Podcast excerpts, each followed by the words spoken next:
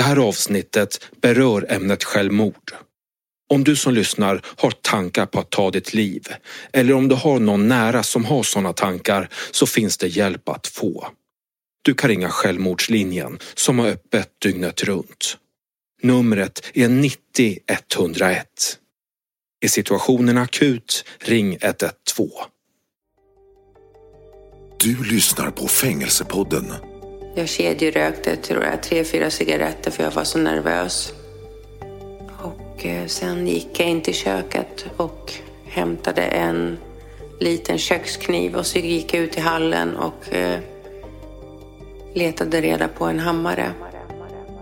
Det är inte liksom att det är någon form av, vi får inte den här reaktionen som att hon har varit i ett tumult och du vet att det finns lite adrenalin som börjar släppa och liksom sådär. Utan det ja, som sagt som, som en robot nästan liksom.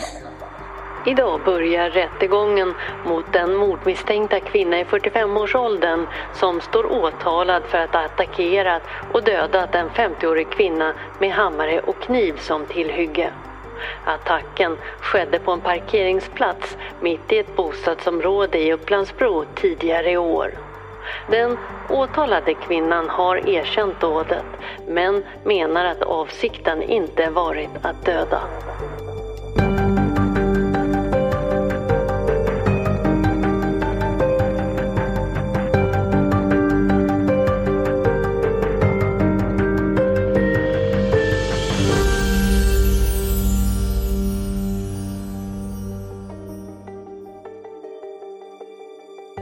Hur känns det att ha en annan människas liv på sitt samvete? Hur hanterar man en livstidsdom och en utsikt som består av en fängelsemur? Varför begicks de bestialiska gärningarna och finns det en fortsättning efter fängelseåren? I den här programserien träffar vi fångarna på Sveriges tyngsta anstalter. De vi pratar med är dömda för mord, rån och knarkhandel.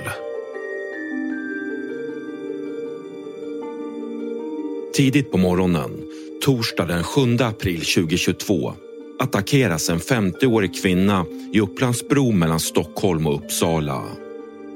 Kvinnan, som vi kallar för Maria, attackeras med kniv och hammare och hon avlider samma morgon. Gärningspersonen är Marias vän och kollega, en kvinna som vi kallar för Anna. Anna får 16 års fängelse för mord och hon hamnar på Hinseberg. Skulle jag kunna få se din legitimation tack? Yes, jag lägger den där. Nej, men sådär, det såg ju bra ut. Då är du välkommen in. Tusen tack. Jag står vid ingången till Hinseberg, kvinnofängelset och ett ymnigt snöfall drar förbi. Jag har just visat upp mitt ID-kort för centralvakten och nu är jag på väg in på anstaltsområdet. Jag är här för att träffa Anna, hon som dödade sin vän och kollega den där aprilmorgonen 2022. Sådär. Kör. Tjena. Hej. Hej. Hej. Ola. Hej, hej, hej. Kul att ses. Ja, detsamma. Det känns ju... Personen som jag har framför mig, hon som precis kommit in i besöksrummet, har vänlig blick och redigt handslag. Den här personen skulle kunna vara precis vem som helst där ute. Kanske en förskolelärare, kanske en kurator, kanske ett kassabiträde på ICA. Hur är det möjligt, frågar jag mig själv, att hon som jag precis skakat hand med har dödat någon med hammare och kniv? Under det här besöket hos Anna är det just den frågan jag ska försöka hitta svar på. Hur kommer det sig egentligen att just hon begått det här allvarliga brottet? Nu tar vi plats mittemot varann, Anna och jag. Hon i en grå liten tvåsitssoffa. Jag på en enkel liten stol. Hur mår du? Eh, jag mår eh, okej idag. Vad har hänt idag? Eh, idag har vi varit nere på industrin. Eh, det fanns dock inga jobb så att vi har fått sitta med böcker och korsordstidningar. Annars då, när det finns jobb, vad gör ni då på industrin? Då håller vi på med eh, skruvar och viker kartonger och sätter på etiketter. Hur är den sysslan skulle du säga? Eh, det är ett väldigt monotont arbete. Mm, inte så kul. Hur många timmar sitter ni? Eh, tre timmar på förmiddagen och tre timmar på eftermiddagen. Det finns flera stora byggnader på anstaltsområdet.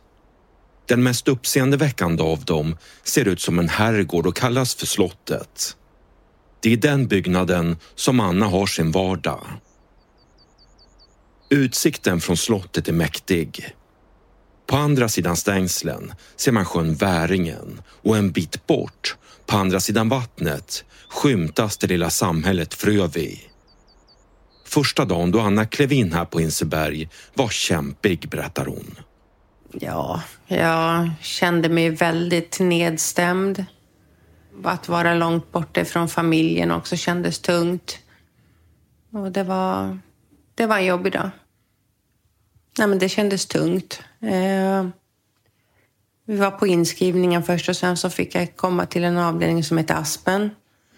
Och eh, jag vet inte hur många vi var där. 10-12 personer var vi, kvinnor. Så det var det som hände den dagen. Mm. Vad händer under en inskrivning? Eh, då får man fylla i ett papper, eh, ett formulär och sen så får man eh, kläder som man ska ha här. Och eh, ja, det är väl det som händer. Mm. Det är ett ganska stort område, Hinseberg. Många olika byggnader. Eh, vi är väl relativt nära huvudentrén. Var någonstans sitter du?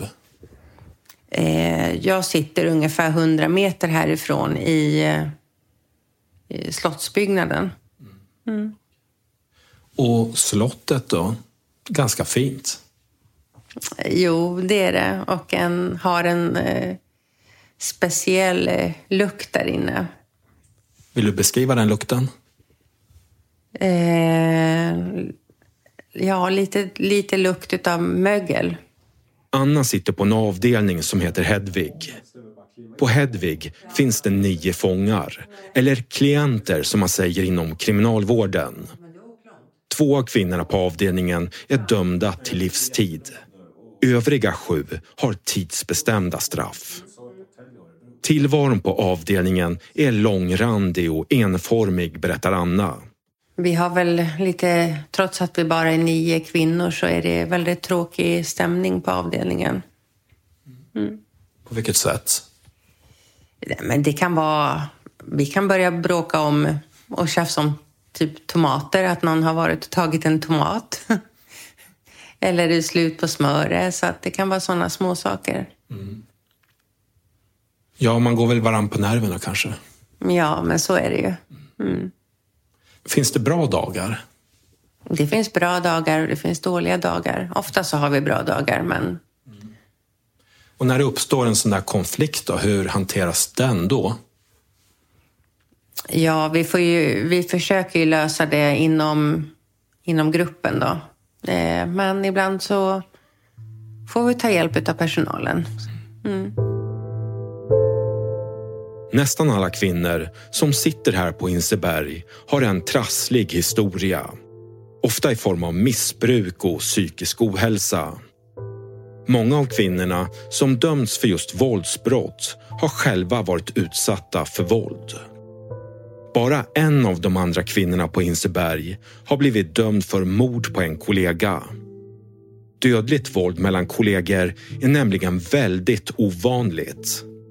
Det berättar Fatima Adberger som är kriminolog och målsägande beträde.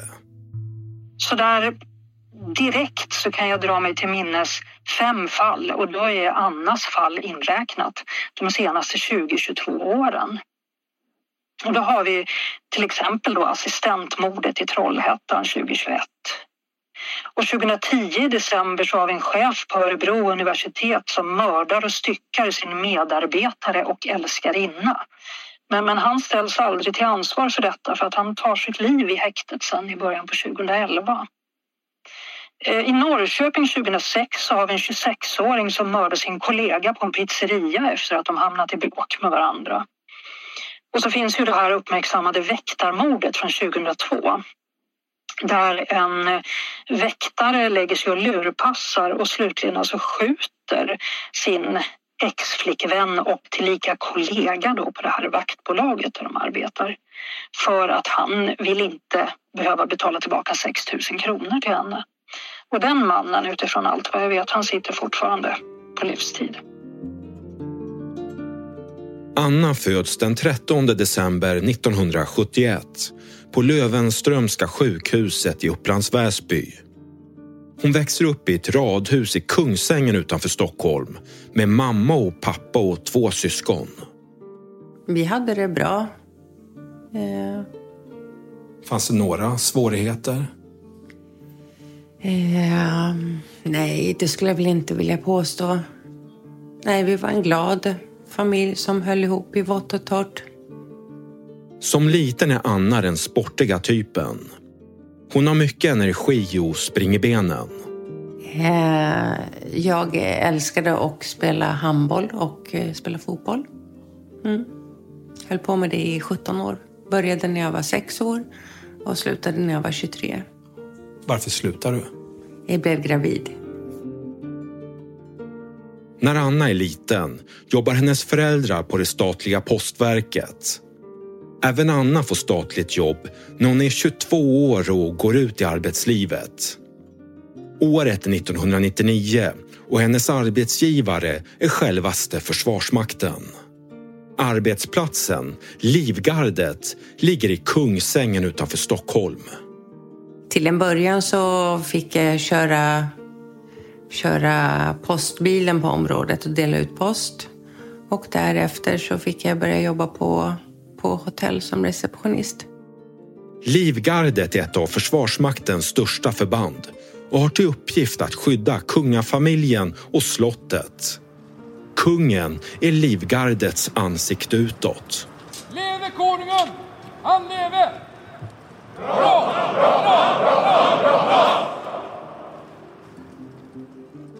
Det finns en rad verksamheter på Livgardet i Kungsängen. En av dem är ett hotell för elever och befäl. Och det är på det hotellet som Anna är föreståndare och receptionist. Runt 2004 uppstår en vänskap mellan Anna och en av hennes kollegor på Försvarsmakten. Kollegan heter Maria och det är Maria som Anna kommer döda med kniv och hammare många år senare. Båda jobbade ju och var anställda inom Försvarsmakten. Så att jag hade jobbat där i nästan 23 år och hon 18 år. Så vi var jättebra arbetskamrater. Var ni vänner också? Ja, det var vi. Eh, det var vi. Nära vänner? Väldigt nära vänner. Vad betydde ni för varann? Vi betydde nog väldigt mycket för varann. Vi, ja, vi hade en väldigt nära relation. Det hade vi. Anna trivs bra med sitt jobb på Livgardet och på fritiden lever hon ett lugnt och tryggt familjeliv. Hon och maken har två barn och familjen bor i en villa i ett litet samhälle söder om Uppsala. I familjen finns även en hund, Bella, och två katter, Busen och Bamse. Vardagen lunkar på med avbrott för diverse trevligheter. Vi kunde gå på bio tillsammans och sen gå på någon fin, eller behövde inte vara fin restaurang, men kanske McDonalds eller pizza eller något sånt. Familjelivet är inget fel på, men på Livgardet i Kungsängen, där Anna jobbat i nästan 23 år, börjar marken gunga under hennes fötter. Det är vårvinter 2022 och Anna får veta att det snart kommer att ske en omorganisation på jobbet. Vissa tjänster ska bort och andra ska tillkomma. I mars månad börjar Anna tro att hon är en av dem som kommer få lämna Livgardet och snart blir hennes farhåga besannad. Mitt jobb det betydde allting för mig. Det var, förutom familjen då, så betydde jobbet jätte, jättemycket för mig. Och sen blev du av med jobbet. Say hello to a new era of mental health care. Cerebral is here to help you achieve your mental wellness goals with professional therapy and medication management support. 100% online. You'll experience the all new Cerebral Way, an innovative approach to mental wellness designed around you.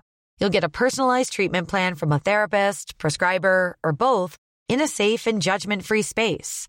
Your cerebral therapist or prescriber will outline a customized plan with clear milestones along the way so you can get to feeling your best. With Cerebral, you're not alone in your mental health journey.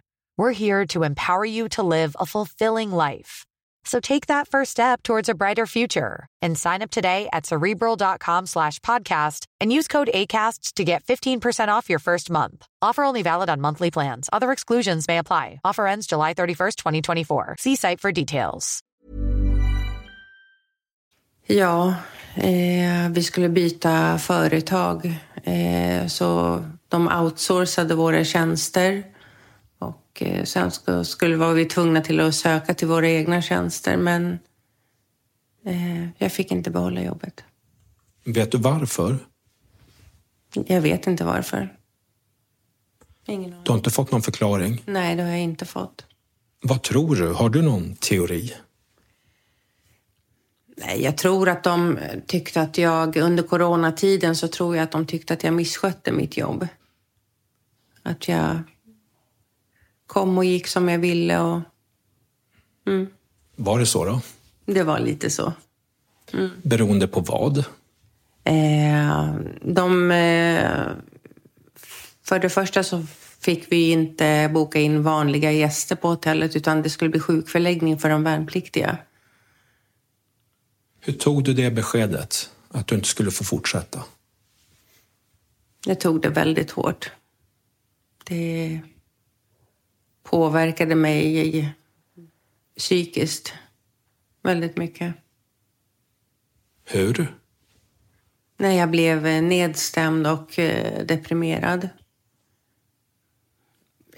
Jag hamnade i någon slags eh, psykos och fick för mig att mina arbetskamrater tog avstånd och eh, även, även grannarna hemma tyckte jag betedde sig märkligt. På vilket sätt gjorde de det? Eh, arbetskamraterna de slutade väl att hälsa på mig och prata med mig. Och likaså grannarna där hemma. Eh, jag mådde väldigt dåligt. Jag kände att jag tog väl avstånd ifrån familjen lite grann. Och jag tyckte att de tog avstånd ifrån mig också. Var det helt nattsvart eller fanns det någon ljusglimt någonstans? Nej, jag såg överhuvudtaget inte någon ljusglimt i någonting. Anna sover bara tre, fyra timmar varje natt och glädjen som hon alltid upplevt med sin familj är nu som bortblåst. Hon kommer i kontakt med neuromottagningen på Akademiska sjukhuset och hon får Imovan på recept för sina svåra sömnsvårigheter. Äntligen sipprar det in lite ljus i Annas mörka tillvaro. Jo, men det kändes ju bra. Eh, jag kände att jag fick tillbaks eh, sömnen, jag kunde sova bättre, eh, funkade bättre i mitt jobb. Mm. Sömntabletterna hjälper bara en kort tid. Sen är Anna tillbaka i sitt dunkla tillstånd. Depressionen kommer tillbaka, nu i form av självmordstankar. Anna vill göra slut på sitt lidande. Vid ett tillfälle stoppar hon i sig ett stort antal ångestdämpande tabletter men självmordsförsöket misslyckas och Anna överlever. Ja, jag vet inte jag vet inte varför jag gjorde som jag gjorde vissa gånger. Och eh, jag tror nog bara att jag hamnade i någon slags psykos och allting var nattsvart. Mm. Vad gjorde du då som inte var bra? Nej, men jag kände att jag eh, snäste av människor i min omgivning. Det kunde vara familjen, arbetskamrater.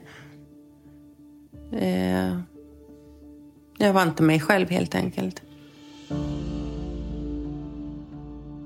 I huvudet på Anna maler nu bara en enda tanke.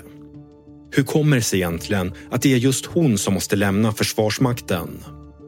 Av några städerskor på jobbet får hon höra att det är Maria, vännen och kollegan sedan många år tillbaka som uttalat sig i negativa ordalag om henne inför de andra personerna på arbetsplatsen. Anna får även höra att Maria kanske sökt hennes tjänst under omorganisationen på jobbet. Det här sår ett frö av besvikelse och ilska i Anna. Hon får för sig att det är Marias fel att hon snart måste lämna Livgardet. Man kan säga att du byggde upp någon slags... Ja, du klev in i din värld, slöt dig, kände hat kanske? Det gjorde jag. Mm. Och det hatet, vad gjorde det med dig? Ja... Det gjorde nog att jag eh, blev mer och mer nedstämd och eh, jag hamnade i en, i en depression.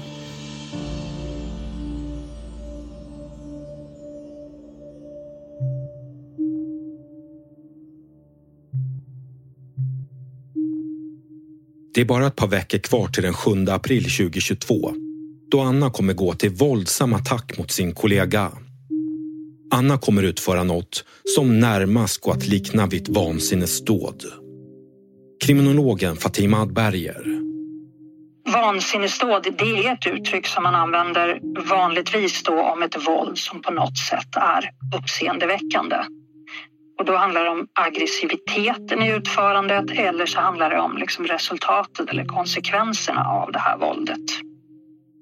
I media så använder man begreppet vansinnesdåd uteslutande egentligen om våldsbrott där någon form av psykisk eh, sjukdom misstänks hos den som begår brottet. Och den förekommer också möjligen som begrepp när det kommer till terrorhandlingar. Man pratar om politiskt motiverat våld, människor som spränger sig själva i luften och så vidare. Kriminologen Mikael Rying han beskriver vansinnesdåd som brott som har dödlig utgång och där gärningsman och offer är okända för varandra. Och gärningsmannen har irrationella motiv. Till exempel så är gärningsmannen paranoid och där offret drabbas på en offentlig plats. Och det här föregås inte på något sätt av någon sammandrabbning eller en provokation mellan gärningsman och offer. Och tittar vi då på Annas fall här så, så, är det ju så att eh, förutom då att Anna har förberett sig genom att ta med sig hammare och kniv hemifrån och att hon har kört bil i ungefär 40 minuter för att ta sig hem då till brottsoffrets bostad. Och så ligger hon och lurpassar utanför bostaden tills brottsoffret kommer ut och angriper henne slutligen då på den intilliggande parkeringsplatsen som ju då är eh, en, en allmän plats. Och det är ju inte så att man har att man interagerar med varandra innan angreppet utan, utan angreppet sker tämligen direkt på den här parkeringsplatsen så, så får man väl säga att alla kriterier egentligen är, är uppfyllda i definitionen. I besöksrummet på Hinseberg pratar Anna och jag om hennes mående veckorna före dådet i Upplandsbro. Nej, men jag mådde ju som sagt väldigt dåligt. Alltså jag kunde inte tänka klart. Eh, och eh, jag fick ju för mig att att eh, en viss person började prata skit om mig och, ja, och samtidigt tog avstånd ifrån mig. Mm. När tänkte du första gången att jag går från tanke till handling mot den här personen. När jag tänkte så? Mm. Det var precis dagarna innan. Vill du utveckla det? Mm. Eh, jag kände, eller först kände jag att jag ville prata med henne. Jag försökte prata med henne, men hon lyssnade inte. Och eh, när hon inte lyssnade så blev jag, jag blev helt galen och full av ännu mer hat. Hur gick tankarna? Jag tänkte att jag ville... För jag hade ju fått för mig att hon hade snackat skit om mig och att hon skulle vara anledningen till att jag inte fick behålla mitt jobb. Eller att hon hade fått min tjänst. Eh, men så var det ju inte. Och det här hatet som grodde då, var det dagtid eller på nätterna? Eller var det korta stunder på dagarna? Eller fanns det i huvudet hela tiden? Eh, det fanns nog där hos mig hela tiden. Gjorde det. Att ha den där känslan i sig, hur var det att ha det så? Det var givetvis jobbigt för, för både mig själv och de närmaste i min omgivning. Mm. Och just tankarna på att skada henne, ja, när kom de tankarna? De kom på morgonen där den 7 april 2022. Så du vaknar på morgonen? Ja, vaknar ungefär vid halv fem, fem-tiden på morgonen. Vad kände du då? Vad tänkte du? Ja, jag tänkte att jag... Eh, att jag ville skada henne. Eh, det var det jag tänkte. Den morgonen, vad gjorde du då? Eh, jag klev upp där som sagt vid halv fem, fem, tog kaffe. Och så minns jag att jag stod där vid dörröppningen ut till farstukvisten och sen rökte jag. Jag kedjerökte, tror jag, tre, fyra cigaretter för jag var så nervös. Och eh, sen gick jag till... Gick jag in till köket och hämtade en liten kökskniv och så gick jag ut i hallen och eh, letade reda på en hammare. När du gjorde det, kände du att du gjorde det av egen vilja eller var det någon röst eller något som sa det här till dig? Eh, nej, jag hörde inga röster eller så. Det gjorde jag inte, utan det var av egen vilja. Mm. Och sen då, de andra hemma? Var de vakna då? Pratade ni? Hade ni kontakt med varandra? Yeah. Barnen låg och sov och eh, så väckte jag, jag tror jag väckte maken vid halv sex, sex tror jag. Ja. Och jag minns att vi vi grälade lite den morgonen. Minns de vad? Eh, han undrade vart jag skulle någonstans. Och då sa jag att jag skulle till barnmorskemottagningen i Enköping. För att ta min p-spruta. Mm. Och då blev han irriterad över att jag hade väckt honom. Och sen, du sätter dig i bilen eller? Eh, ja, jag satte mig i bilen och eh, kör mot, eh, mot eh, Bro, ja, Bro och Kungsängen hållet. Mm. Det är ganska lång sträcka va? Ja, det tar 25-30 eh, minuter att köra dit.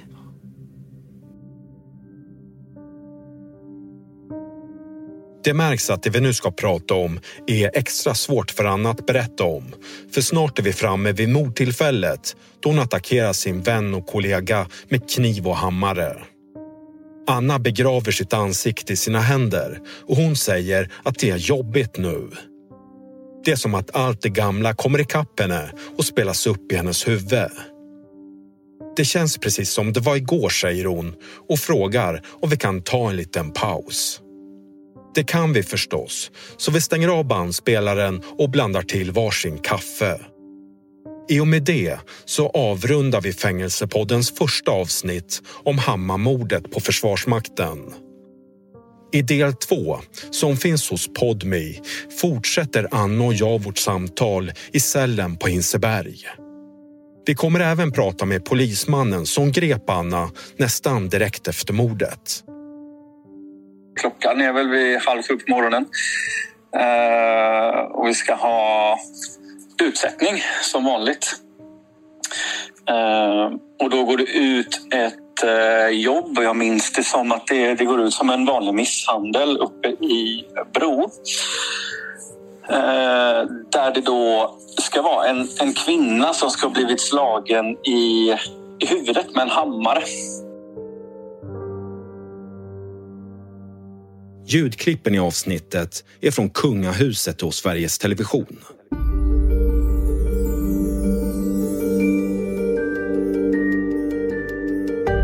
Du har lyssnat på Fängelsepodden. Intervjuare Ola Lagerström. Ljudbearbetning Emil Drugge på Drugge Sound.